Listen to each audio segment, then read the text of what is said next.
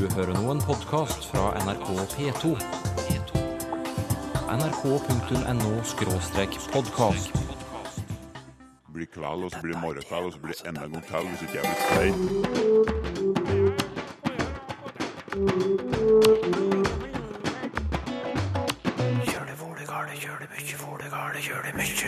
Så skal vi redusere målstyringen og detaljene i det, slik at Nei, men Jeg kan jo ikke si hva vi skal kutte om 10 og 20 år, hvis jeg har en oppskrift for å slippe å kutte. Ja, Vi gjør dette innenfor ansvarlige rammer. Vi velger tydelig å prioritere. Politikerne snakker mye og ofte i valgkampen, men ikke alle snakker like klart og tydelig. Velkommen til Språkteigens valgsending. Hva betyr ordet politikk, Sylfes Lommer? Politikk betyr egentlig bystyre. Å styre byen. Fordi at det kommer fra det greske ordet polis, som betyr by. me har det i metropol, som betyr modersby. Så dermed er politikk det som angår byens styre. Ja, og du, jeg har noen andre ord her også som hører med i en eh, valgkamp. Vær så god. Lover du å komme tilbake mot slutten av sendingen og forklare dem? Jeg lover. Hva synes du om politikernes språkbruk? Ordene de velger, måten de snakker på? Det har jeg spurt lytterne om de siste ukene, og mange forteller at de irriterer seg over klisjeer som disse. Vi har to hovedutfordringer. I forhold til toll, som er den aller viktigste i forhold til å ha markedsinntekter. Og det er det altfor lite fokus på. Eh, Og det tar vi også på det største alvor. Og da må vi ta en del grep. Det er en jobb som må gjøres. Klisjeer og floskler er lytternes dom. Og hvorfor? Kanskje Språkteigens lille panel har noen tanker? Jeg har to eh, gjester som skal være med og snakke om språkbruk i politikken. Åshild Mathisen fra Vårt Land, tidligere politisk rådgiver for Knut Arild Hareide, har også vært informasjonsrådgiver for KrF på Stortinget, blant annet. Hvorfor tror du at politikerne så ofte bruker slike uttrykk som i forhold til, fokus, ta på alvor osv. i svarene sine? Ja, jeg kan godt forstå de som eh, syns det er veldig irriterende, og samtidig så har jeg litt medfølelse for politikerne som bruker de ordene. Fordi politikere ønsker jo, når de blir konfrontert med ting som går galt i samfunnet og problemer, så ønsker de å vise at eh, dette vil de ta tak i, og at eh, de syns det er ille, akkurat som velgerne som sitter og ser på eller sitter og hører på. Men eh, det er ikke sikkert at de vet helt hvor mange penger eller hvilke tiltak de egentlig kan sette i gang med. Og da er det veldig greit å si at dette må vi ha fokus på, dette må vi ta på alvor. Man har altså bare løfta opp en problemstilling og sagt at den er viktig, uten å eh, si hvordan man har tenkt å gripe fatt i det. Mm. Eirik Vatnøy, forsker på politisk retorikk ved Universitetet i Bergen, og også engasjert i den liberale tankesmien Civita. Er du enig i det Åshild Mathisen sier? Ja, jeg tror hun er helt rett i det hun sier. Eh, Og det handler nok også om at eh, folk som kommuniserer mye, som veldig ofte eh, uttaler seg i mediene, og snakker sikkert veldig mye når de ikke er på mediene også, eh, de får nok lett en del fraser, slik som i forhold til, som, som kommer inn i språket, og som eh, dukker opp ubevisst. Mm. Du har fått en e-post fra ja, jeg har fått mange e-poster, men fra andre Karen Sundbakk. Hun trekker fram én formulering som mange politikere bruker. Vi er opptatt av å ha ryddige forhold. Vi er selvfølgelig opptatt av at uh... Eh, opptatt av uh... Ja, så er vi opptatt av. Vi er opptatt av industrien, vi er opptatt av fiskeri og havbruk og landbruk. Hva mener en politiker når han eller hun svarer 'dette er vi opptatt av'? Ja, det som frustrerer lytteren her, er nok det at det er en veldig lite forpliktende formulering. Det er jo kanskje en formulering som politikere tyr til når de ikke har eh, anledning til å være konkret, eller ikke har noen konkrete tiltak å vise til. Men jeg tror ikke man skal være for kritisk eh, til slike mer eller mindre standardiserte formuleringer. Jeg tror at vi trygt kan anta at politikerne faktisk er genuint opptatt av saker, selv om forholdene eller den, eh, den ene situasjonen gjør det vanskelig å være helt konkret. Hei, jeg heter Silje Lundberg, og jeg er leder for Naturungdom. Jeg lurer på hvorfor politikere snakker om en balansert og skrittvis tilnærming til oljeboring utenfor Lofoten, når de burde kalle en spade for en spade og si at de ønsker å lete etter olje. Klar melding ut fra Natur og Ungdom, og det blir flere unge synspunkter på politikerspråk litt senere. På Facebook er Reidun Henriksen oppgitt over et ord som vi har hørt ofte i denne valgkampen, men som mange ikke vet hva er. Handlingsregelen. Anonymt og intetsigende, mener Reidun Henriksen. Hun trekker også fram begrepet Samhandlingsreformen som et annet eh, eksempel. Går det virkelig ikke an å kreere mer presise uttrykk, sukker hun. Men hun får ikke bare støtte fra andre lyttere. Hvorfor må alt være så enkelt hele tiden?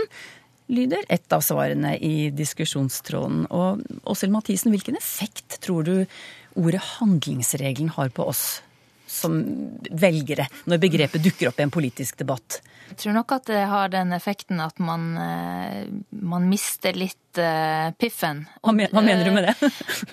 Nei, det er jo et veldig teknokratisk eh, og kjønnsløst ord. Og det, det, absurde er jo at handlingsregelen egentlig dreier seg om hvor mye penger vi skal bruke på noe som er veldig nært oss, som er barnehager og sykehjem, eh, skole. Eh, men når ordet handlingsregel kommer inn, og politikerne på en måte går inn i det faglige og begynner å diskutere det, så, så mister man kanskje litt følelsen av at dette dreier seg om oss og vår hverdag som er tett innpå oss.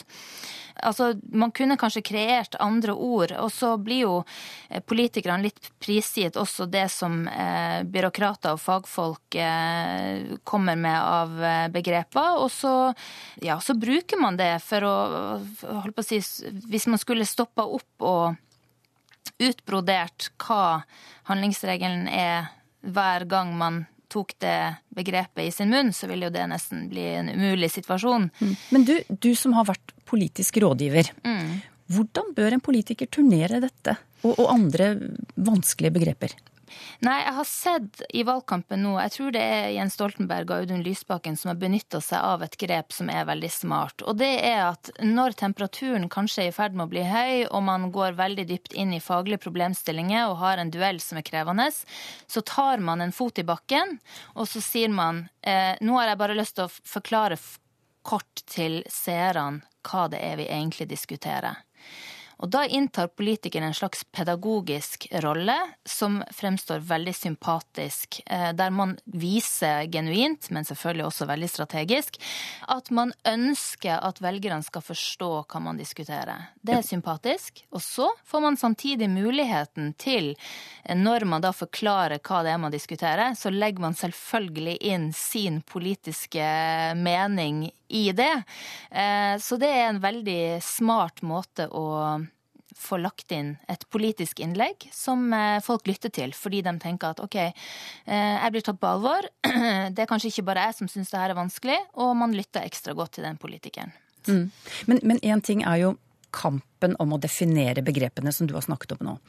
Men så i politikken foregår det også en skal vi si, strid om ordvalg. Altså skal det kalles helsekø når syke venter på behandling? Altså Jeg reagerer på det ordet kø, skal det hete egenandel? Når du må betale noe selv for en operasjon? For Fremskrittspartiet så er egenandeler skatt på sykdom. Hva er dette for slags eh, fenomen, Eirik Vatnøy? Vinner man kampen om ordene og om formuleringene, så har man vunnet halve slaget. Da har man fått debatten over på sin banade. Ord det bærer med seg eh, assosiasjoner og verdier. Og i mange tilfeller så handler det om at man gjerne bruker metaforer eller eh, nye formuleringer for å få mottakerne til å forbinde dette fenomenet, altså denne delen av politikken, med noe annet som enten er positivt eller negativt lada. Eh, helsekøene tror jeg er et godt eksempel på dette. Eh, det er jo et veldig lettfattelig og presist begrep, i og for seg, men det er samtidig ganske negativt ladet. Altså, Ingen liker jo å stå i kø, og man mm. forbinder det med noe veldig negativt i ja. Og særlig vellykka er nok dette begrepet siden vi ikke har noe annet ord for det. Altså Alle sier helsekø om helsekø. Ja. Og jeg tror nok helseministeren har veldig store problemer med å få folk til å bruke et mer positivt eller nøytralt ord.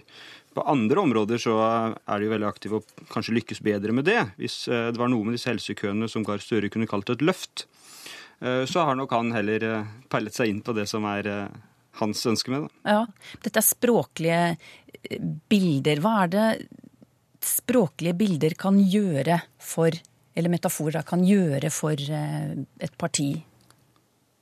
Ja, De knytter jo ting eh, sammen. De knytter forskjellige områder av forståelse sammen. Klarer du å binde noe sammen noe annet vi betrakter så positivt, så har du på en måte positivt ladet noe. Og Det er en klar fordel.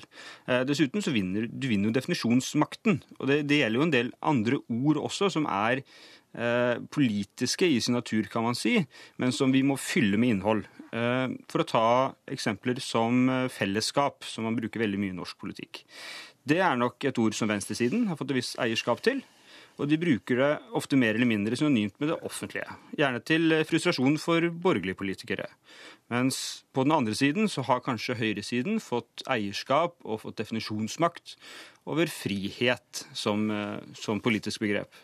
Eh, selv om venstresiden nok eh, vil kreve det eh, mm. for seg selv, og få lov til å definere det fra deres ideologiske mm. perspektiv. Men Du snakker om positivt ladede sånne språklige bilder. Har du et eksempel på, på akkurat det?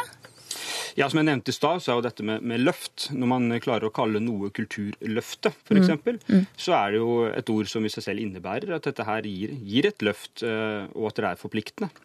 Du sier at uh, metaforer i politikken de lever ikke til evig tid. Hva skjer? Altså, Metaforer og, og, andre språklige figurer de, de kan bli så dagligdagse og så ordinære at de ikke lenger vekker de eh, assosiasjonene eller følelsene hos, hos mottakeren. Som skattelette og skattetrykk. Altså Det er opprinnelige ord som er ganske eh, ladede metaforiske begreper. Men de har blitt så vanlige at de neppe innebærer noen særlig negative holdninger eh, til skatt da, eh, for, eh, for, velgere flest. Ja, hva slags utfordring eh, byr det på for eh, politikerne, da? Når metaforene mister innholdet sitt? Nei, Det er jo det å, å, på en måte, å prøve å fornye språket. Mm. Det, det, tror jeg er en viktig utfordring for politikerne. Jeg kan si en ting om det å fornye språket som er interessant der. Fordi både Torbjørn Røe Isaksen og Audun Lysbakken, som begge er gode retorikere, de forsøker jo faktisk henholdsvis Lysbakken vil jo ta eierskap til ordet frihet å redefinere hva det er. Fordi at du er ikke fri hvis ikke du eh, blir ivaretatt av et godt velferdssamfunn som gjør deg fri som menneske. Og, og på samme måte så ønsker Torbjørn Røe Isaksen å ta eierskap til ordet fellesskap, og si at det kan være noe annet enn det venstresida har definert det som. Eh, og det er jo en måte å, å redefinere språket, men også på en måte utvide og vise at eh, ingen skal få karikere oss på venstresida som at vi ikke kan snakke om frihet. Ingen skal få karikere oss oss på høyresida som at vi ikke er opptatt av fellesskap. Og det er jo to unge eh, politikere som eh, har den evnen å bruke språket til å, å fornye politikken. Hei, jeg heter Gunn Jorunn Sørum og er styreleder i Norges Bygdeungdomslag. Høyresida sier at de vil slippe bonden fri, men hva betyr egentlig det? Jeg opplever at de kamuflerer sine egne politiske løsninger når de sier at de skal slippe bonden fri. Når norske politikere diskuterer våpeneksport, så er de kreative i ordbruken. De kaller kulene og kruttene og rakettdelene som vi sender ut i verden for forsvarsmateriell, eller A- og B-materiell. Og Det er jo vanvittig tilslørende begreper. Hvorfor kan de bare være ærlige og kalle det for krigsmateriell? Hilsen Ingrid Aas Borge, leder i Changemaker. Vi har fått Eh, e-post fra Ingeborg Klingenberg. Hun irriterer seg over politikere som ikke svarer på det de blir spurt om. De begynner heller å snakke om noe annet, skriver hun. Og her er et ferskt eksempel.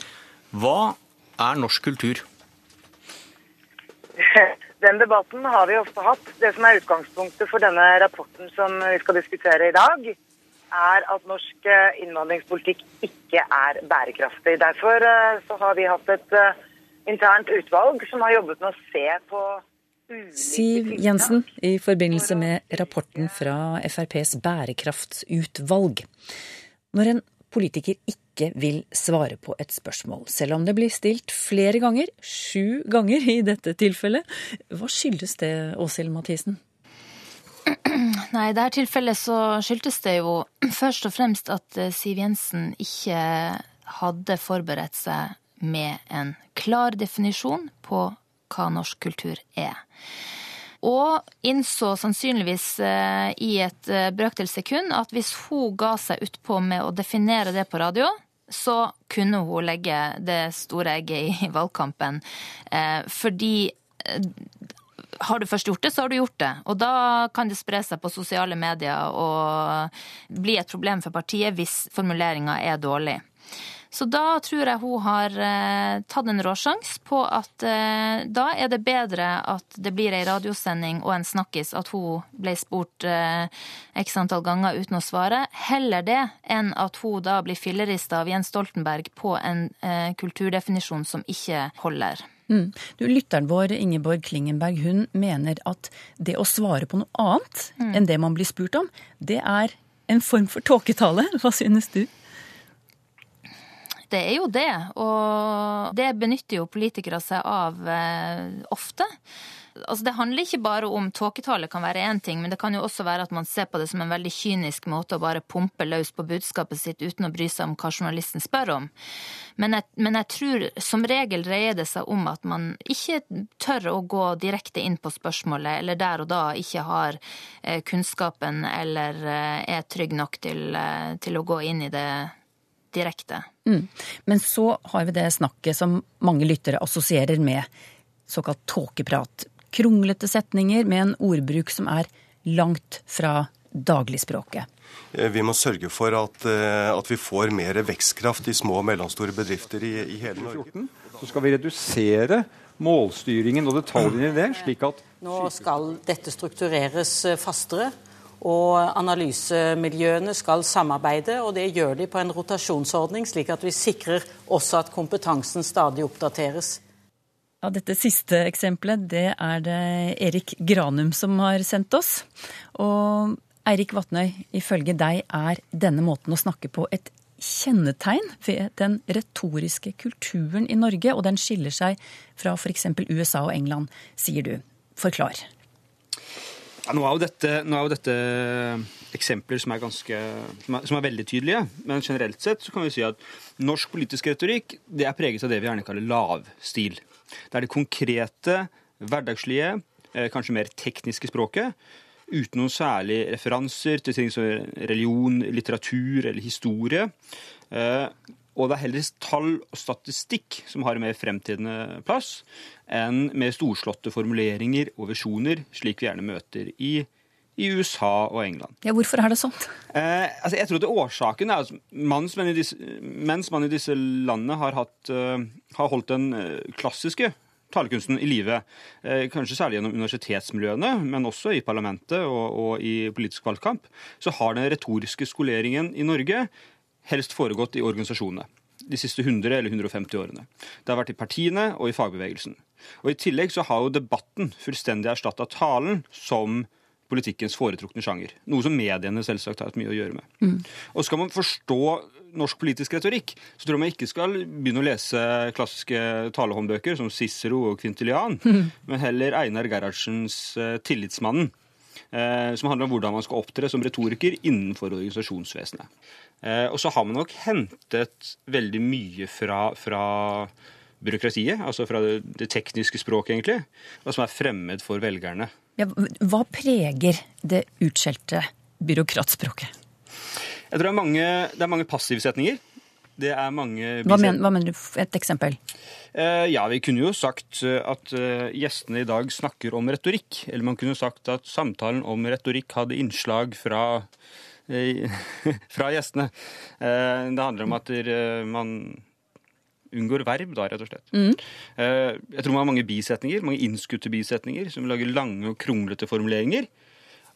Og så har man jo hangt å lage substantiver av verb og adjektiver av substantiver, og man kommer med veldig mange nyord. eh, Som f.eks. gjennomføringskraft eller vekstkraft osv. Og så låner man mye fremmedord og mye fagbegreper fra ledelseslitteratur og fra økonomifaget. Hei, mitt navn er Andrea Sjøvold, og jeg er leder i Press, Redd Barna sin ungdomsorganisasjon. Press lurer på hvorfor man ikke kaller barn som søker asyl i Norge for det de faktisk er, nemlig barn. Politikerne omtaler dem heller som en del av en flom, en del av foreldrenes plan og en del av et problem. Om man ikke snakker om barn, så vil man heller ikke få en asylpolitikk for barn. Det hjelper ikke å fortelle ungdommen om milliarder av kroner som skal bevilges til skolen, når de ikke får vite hva pengene skal gå til. Snakk om konkrete tiltak, snakk om det elevene faktisk møter i skolehverdagen, så faller ikke ungdommen av lasset. Hilsen Liv Holm Heide i Elevorganisasjonen. Elevorganisasjonen etterlyser politikere som forteller klart og tydelig hva de faktisk har tenkt å gjøre. Og noen er flinkere til det enn andre. Så skal vi dele ut noen buketter til slutt. Åshild Mathisen, hvilke navn vil du trekke fram? Noen som utmerker seg med godt og forståelig språk? Ja, Da tror jeg at det er Torbjørn Røe Isaksen og Audun Lysbakken som får buketter av meg. Og grunnen til det er at de de husker hele tida på å fortelle hvorfor de er i politikken, og hvorfor de snakker om politikk. De ønsker å forandre samfunnet, og de har en visjon. Og, og det å på en måte hele tida eh, minne om hva som er visjonen, og hva som er grunnlaget for det man diskuterer, mener jeg gjør det klart for retning, for velgeren, da, hvilken retning politikeren har. Enn du, Eirik Vatnøy, hvem vil du trekke fram? Ja, For å holde på unge talenter, da, så, så tror jeg også man kan trekke fram folk som Snorre Valen i SV eller Tonje Brenna i Arbeiderpartiet.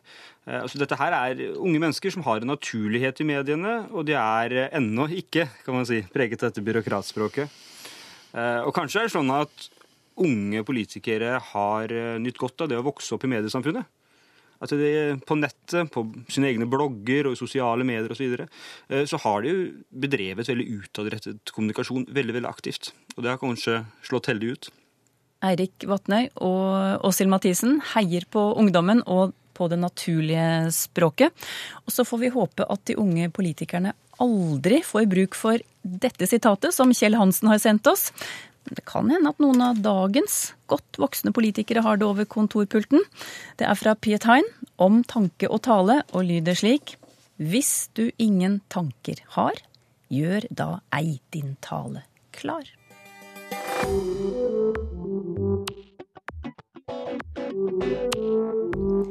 Om en uke er det valg. Hvor kommer det ordet fra, Sylfus Lomme? Egentlig så er det det nynorske ordet val utan g som er historisk sett det mest opphavlege. G-en som vi har i valg, den er egentlig kommet til eh, i den seinare tid, altså. Det er jo lenge sia, men den er i dansk og bokmål, og er noe som har kommet til. Vi ser det jo i tysk, så er å velja, velen, finst ikke g der, og i svensk er det også val, som i nynorsk. Så slik er det. Og sjølve ordet å velja er historisk sett interessant nok i slekt med vilje. Er det du bestemmer deg for. En parti, da? Parti, det har vi fra fransk un parti, og det betyr rett og slett ei gruppe eller ei organisering eller noe slikt. Mm. Og så, på valgdagen, da stemmer vi. Hva kan du si om ordet stemme? Det er interessant, for det viser at i virkelig gamle dager, når de skulle avgjøre ting, og de skulle telje opp korleis meininga var blant folk, så skulle du rope. Altså, det var røysta eller stemma som visste hva du meinte om ei sak. Og da blir det òg heilt logisk, og utan at det er noe rart med det, at vi kan på nynorsk velja mellom å røysta og å stemma, for det er rett og slett stemma vår som ligg til grunn for den bruken. Da uttrykkjer vi hva vi meiner. Og så er det jo slik at mange vil kjenne ordet votera, og et votum, det er det innlånte ordet fra latin for å vise stemme. Men det kjem fra et anna ord eh, som på latin betyr å love, til og med å love høgt og heilagt for ein gud. Eh, betyr egentlig votum, å, å eh, avgi si stemme. Men det kjem fra altså lovna og lova. Og så legger vi stemmeseddelen i en urne. Ja, og det er også latin. For dette ordet på latin betyr ei krukke eller ein vase. Og det har opp gjennom historia vore brukt til å putte stemmesedlene oppi, så det betyr at eh, når vi stemmer ved å legge eh, sedlene oppi ei urne, da er vi kommet litt nærmere moderne tid, da er vi slutta å rope, da skriver vi og legger stemma vår i ei urne. Men urne kan jo også bli brukt på norsk, det veit jo de fleste. Oska i ei gravferd kan settes i ei urne, og vi kan også ha eh, en blomsterbukett i ei urne. Mandat, hva slags ord er det? Det kjem også fra latin. Me Vi har det latinske ordet manus, som nok spøker i bakgrunnen, for dette betyr Et mandat betyr noe du overleverer, altså ei fullmakt, et oppdrag. Og det er klart at eh, i opphavet så er hendene involvert når du skal overlevere noe, og derfor er det slektskap mellom manus, som betyr hand på latin, og mandat. Stortinget, det er et viktig ord i politikken. Det er jo det sjølve valet dreier seg om. Ja. Det å komme på Stortinget, og Ja. hvem som skal komme dit. Og adjektivet stor er vel greit nok, det er det motsatte av lite. Men så har vi ordet ting, som alle veit har fulgt med oss i historia vår i mykje over tusen år. Og det er et veldig gammelt ord. Etter gammalt så har ordet ting betydd både ein gjenstand og òg ei forsamling. Og han skulle kanskje tro at det er bruken av dette ordet som gjenstand som er eldst, men egentlig er det bruken av forsamling som er den aller eldste, fordi at det er i slekt med noe som eksisterer, de møter, de er der. Ting betyr i opphavet noe som er til, som eksisterer, og er kanskje til og med i slekt med ordet tid.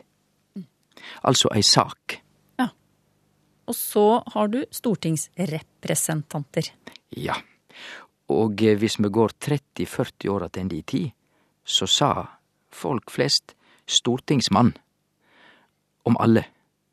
Og det var jo ikke godt nok, så i 1970-åra måtte de eh, si at eh, nei, stortingsmann og stortingskvinne, det er kjønnet på representanten, og det er helt greit, og det har vi sagt seinere, men da var det ordet stortingsrepresentant som ble det offisielle ordet for alle. Og ordet representant er litt artig, det kjem fra latin, representare, og det betyr egentlig på latin å gjøre noe nærværende, å være nærværende, og å virkeliggjøre noe. Og det passer veldig godt, for det er jo stortingsrepresentantens oppgave å virkeliggjøre politikken.